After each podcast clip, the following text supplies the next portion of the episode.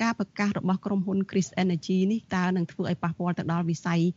ប្រេងកាតនៅកម្ពុជាយ៉ាងម៉េចខ្លះបើយើងប្រៀបធៀបទៅនឹងប្រវត្តិសាស្ត្រប្រវត្តិវិស័យប្រេងនៅកម្ពុជានឹងអាឡិចចាគឺជារឿងមិនល្អសម្រាប់ប្រជាជនកម្ពុជាដែលប្រជាជនកម្ពុជាក្រោយពីលើសម្ដេចហ៊ុនសែននិយាយប្រហែលខែមុនថាកម្ពុជានឹងមាននឹងក្លាយទៅជាប្រទេសដែលផលិតប្រេងនៅក្នុងពេលឆាប់ឆាប់នេះ ក៏ប៉ុន្តែខ្ញុំមិនមានអីផ្ញើប៉ាល់ទេរឿងខ្សែធននេះពីព្រោះដឹងថាក្រុមហ៊ុន Chris Energy នេះគឺប្រឈមនឹងខ្សែធននៅក្នុងពេលឆាប់ឆាប់នេះដោយសារបំណុលទី1ទី2ដោយសារចំនួនប្រេងនៅកម្ពុជាហាក់បីដូចជាមិនច្រើនអីប្រហែលទេបាទហើយមូលហេតុមួយទៀតហ្នឹងដោយសារយើងដឹងថានៅប្រទេសកម្ពុជាឲ្យឲ្យតែក្រុមហ៊ុនឯកជនតាក់ទងជាមួយនឹងក្រុមហ៊ុនជាមួយក្រសួងរាយធម្មពលដឹងតែត្រូវតែគេហៅថាបងលុយក្រោមតុកបាទសុកបានគេទៅតែចែក ភាគរយដល់អ្នកមានអំណាចអញ្ចឹង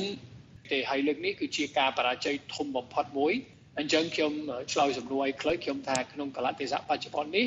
มันងាយនឹងមានក្រុមហ៊ុនណាមួយដែលអាចទិញភាគភាគរយក៏សិទ្ធរបស់ Chris Energy ដើម្បីផលិតបំប្រេងនៅកម្ពុជាហើយខ្ញុំសូមបញ្ជាក់ចំណុចមួយទៀតហ្នឹងខ្ញុំថាក្នុងពេលបច្ចុប្បន្ននេះគឺដោយសារមានបញ្ហា COVID-19 ផងមាន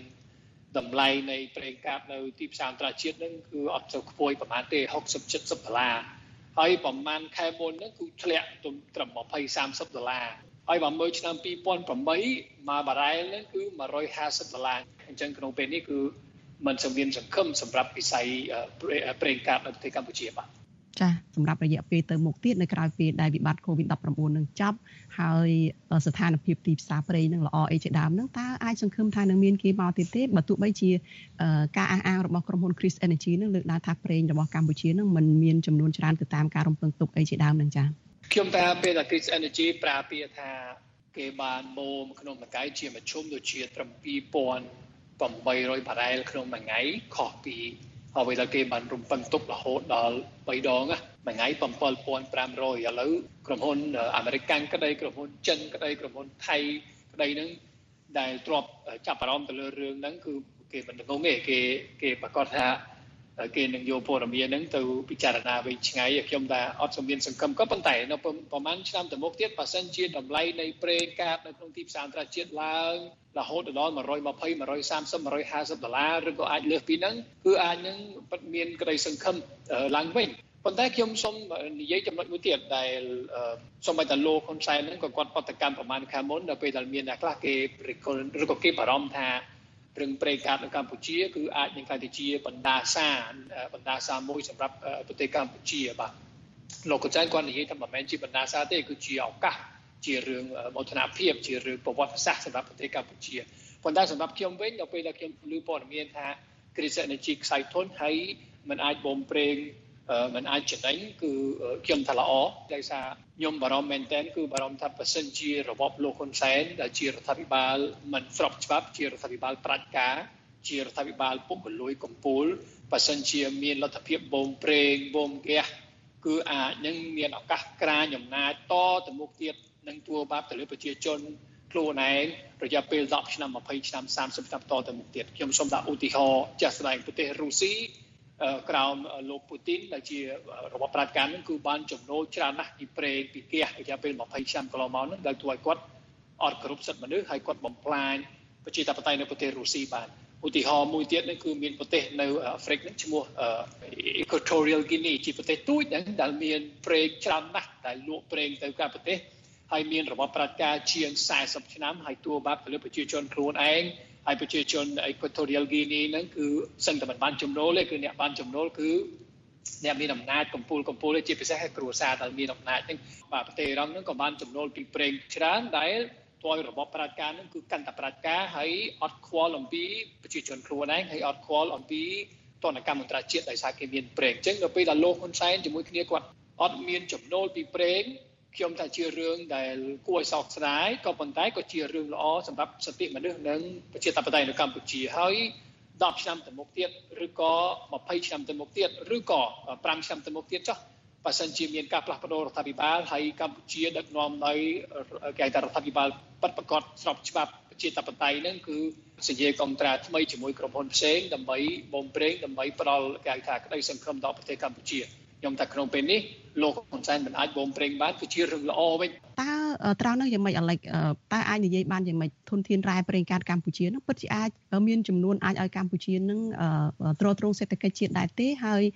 អ្វីដែលអាឡិចចង់រក្សាទុកហ្នឹងគឺថាសម្រាប់ប្រទេសជាតិទាំងមូលហ្នឹងយ៉ាងម៉េចដែរធនធានរ៉ែតិចហ្នឹងតើអាចជួយទៅសេដ្ឋកិច្ចបានយ៉ាងម៉េចហើយការសบายចិត្តមិនមិនរករក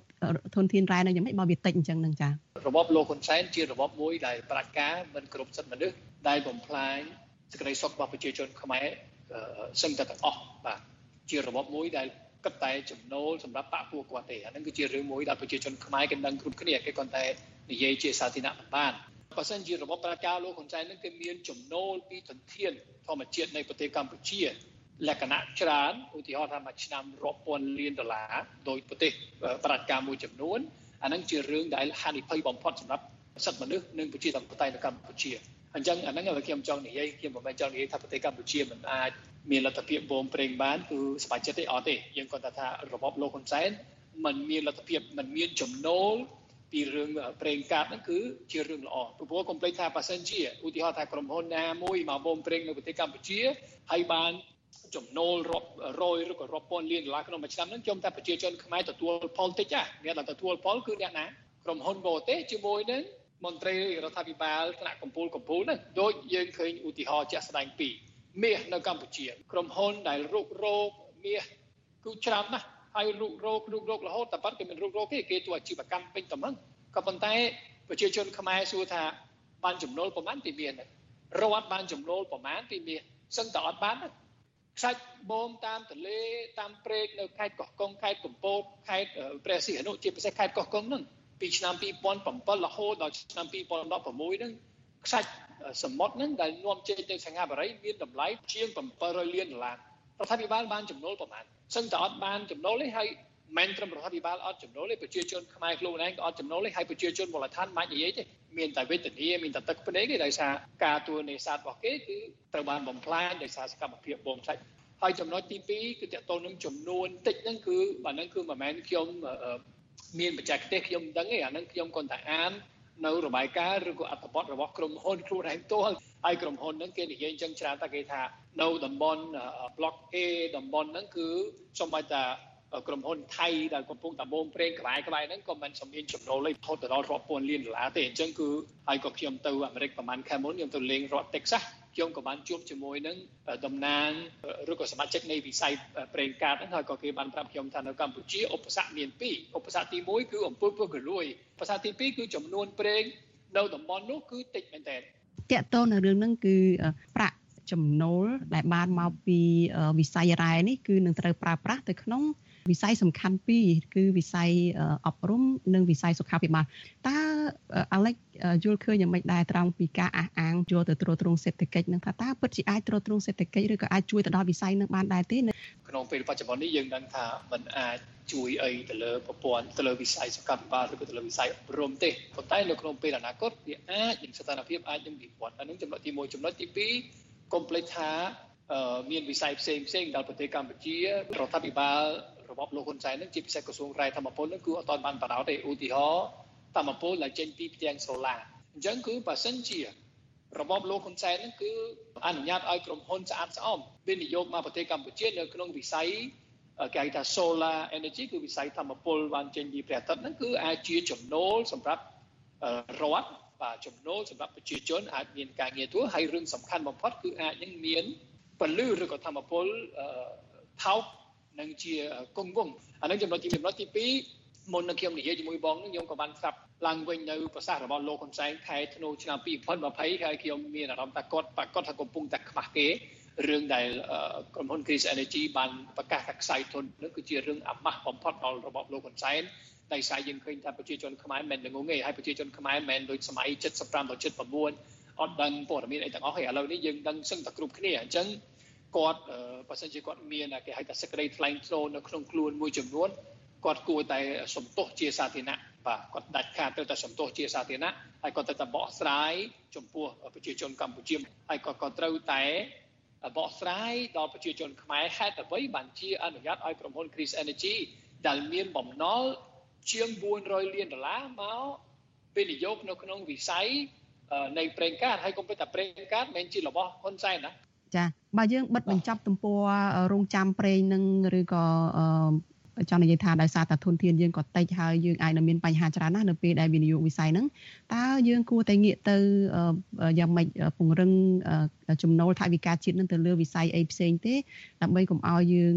ផ្ដេកផ្ដួលទៅលើធនធានរ៉ែប្រេងដែលយើងគិតថាមានចំនួនតិចហ្នឹងចា៎ខ្ញុំថាវិស័យពីរដែលធនាគារពិភពលោកបាទអង្គការអន្តរជាតិ បាទអ្នកជំនាញបានប្រាប់រដ្ឋាភិបាលលោកហ៊ុនសែនតាំងពីឆ្នាំ2005 2006ច្រើនដងទី1អេកូទេសចរមានន័យថាទេសចរមកលេងទន្ទានធម្មជាតិនៅកម្ពុជាហ្នឹងក៏បានចំណូលច្រើនណាស់សម្រាប់ប្រជាជនមូលដ្ឋាននិងសម្រាប់រដ្ឋទី2ពន្លឺព្រះអាទិត្យឬក៏ខ្យល់ធម្មពលបានពីខ្យល់ធម្មពលបានពីព្រះអាទិត្យហើយយើងឃើញតែកន្លងមកគឺអត់ធ្វើធ្វើតែប្រហែលកន្លែងហើយអួតចាសូមឆ្លើយអរគុណច្រើនអាឡិចចាសូមជម្រាបលាអាឡិចត្រឹមប៉ុណ្ណេះចាបាទជម្រាបលាអរគុណច្រើនបងសុខសប្បាយ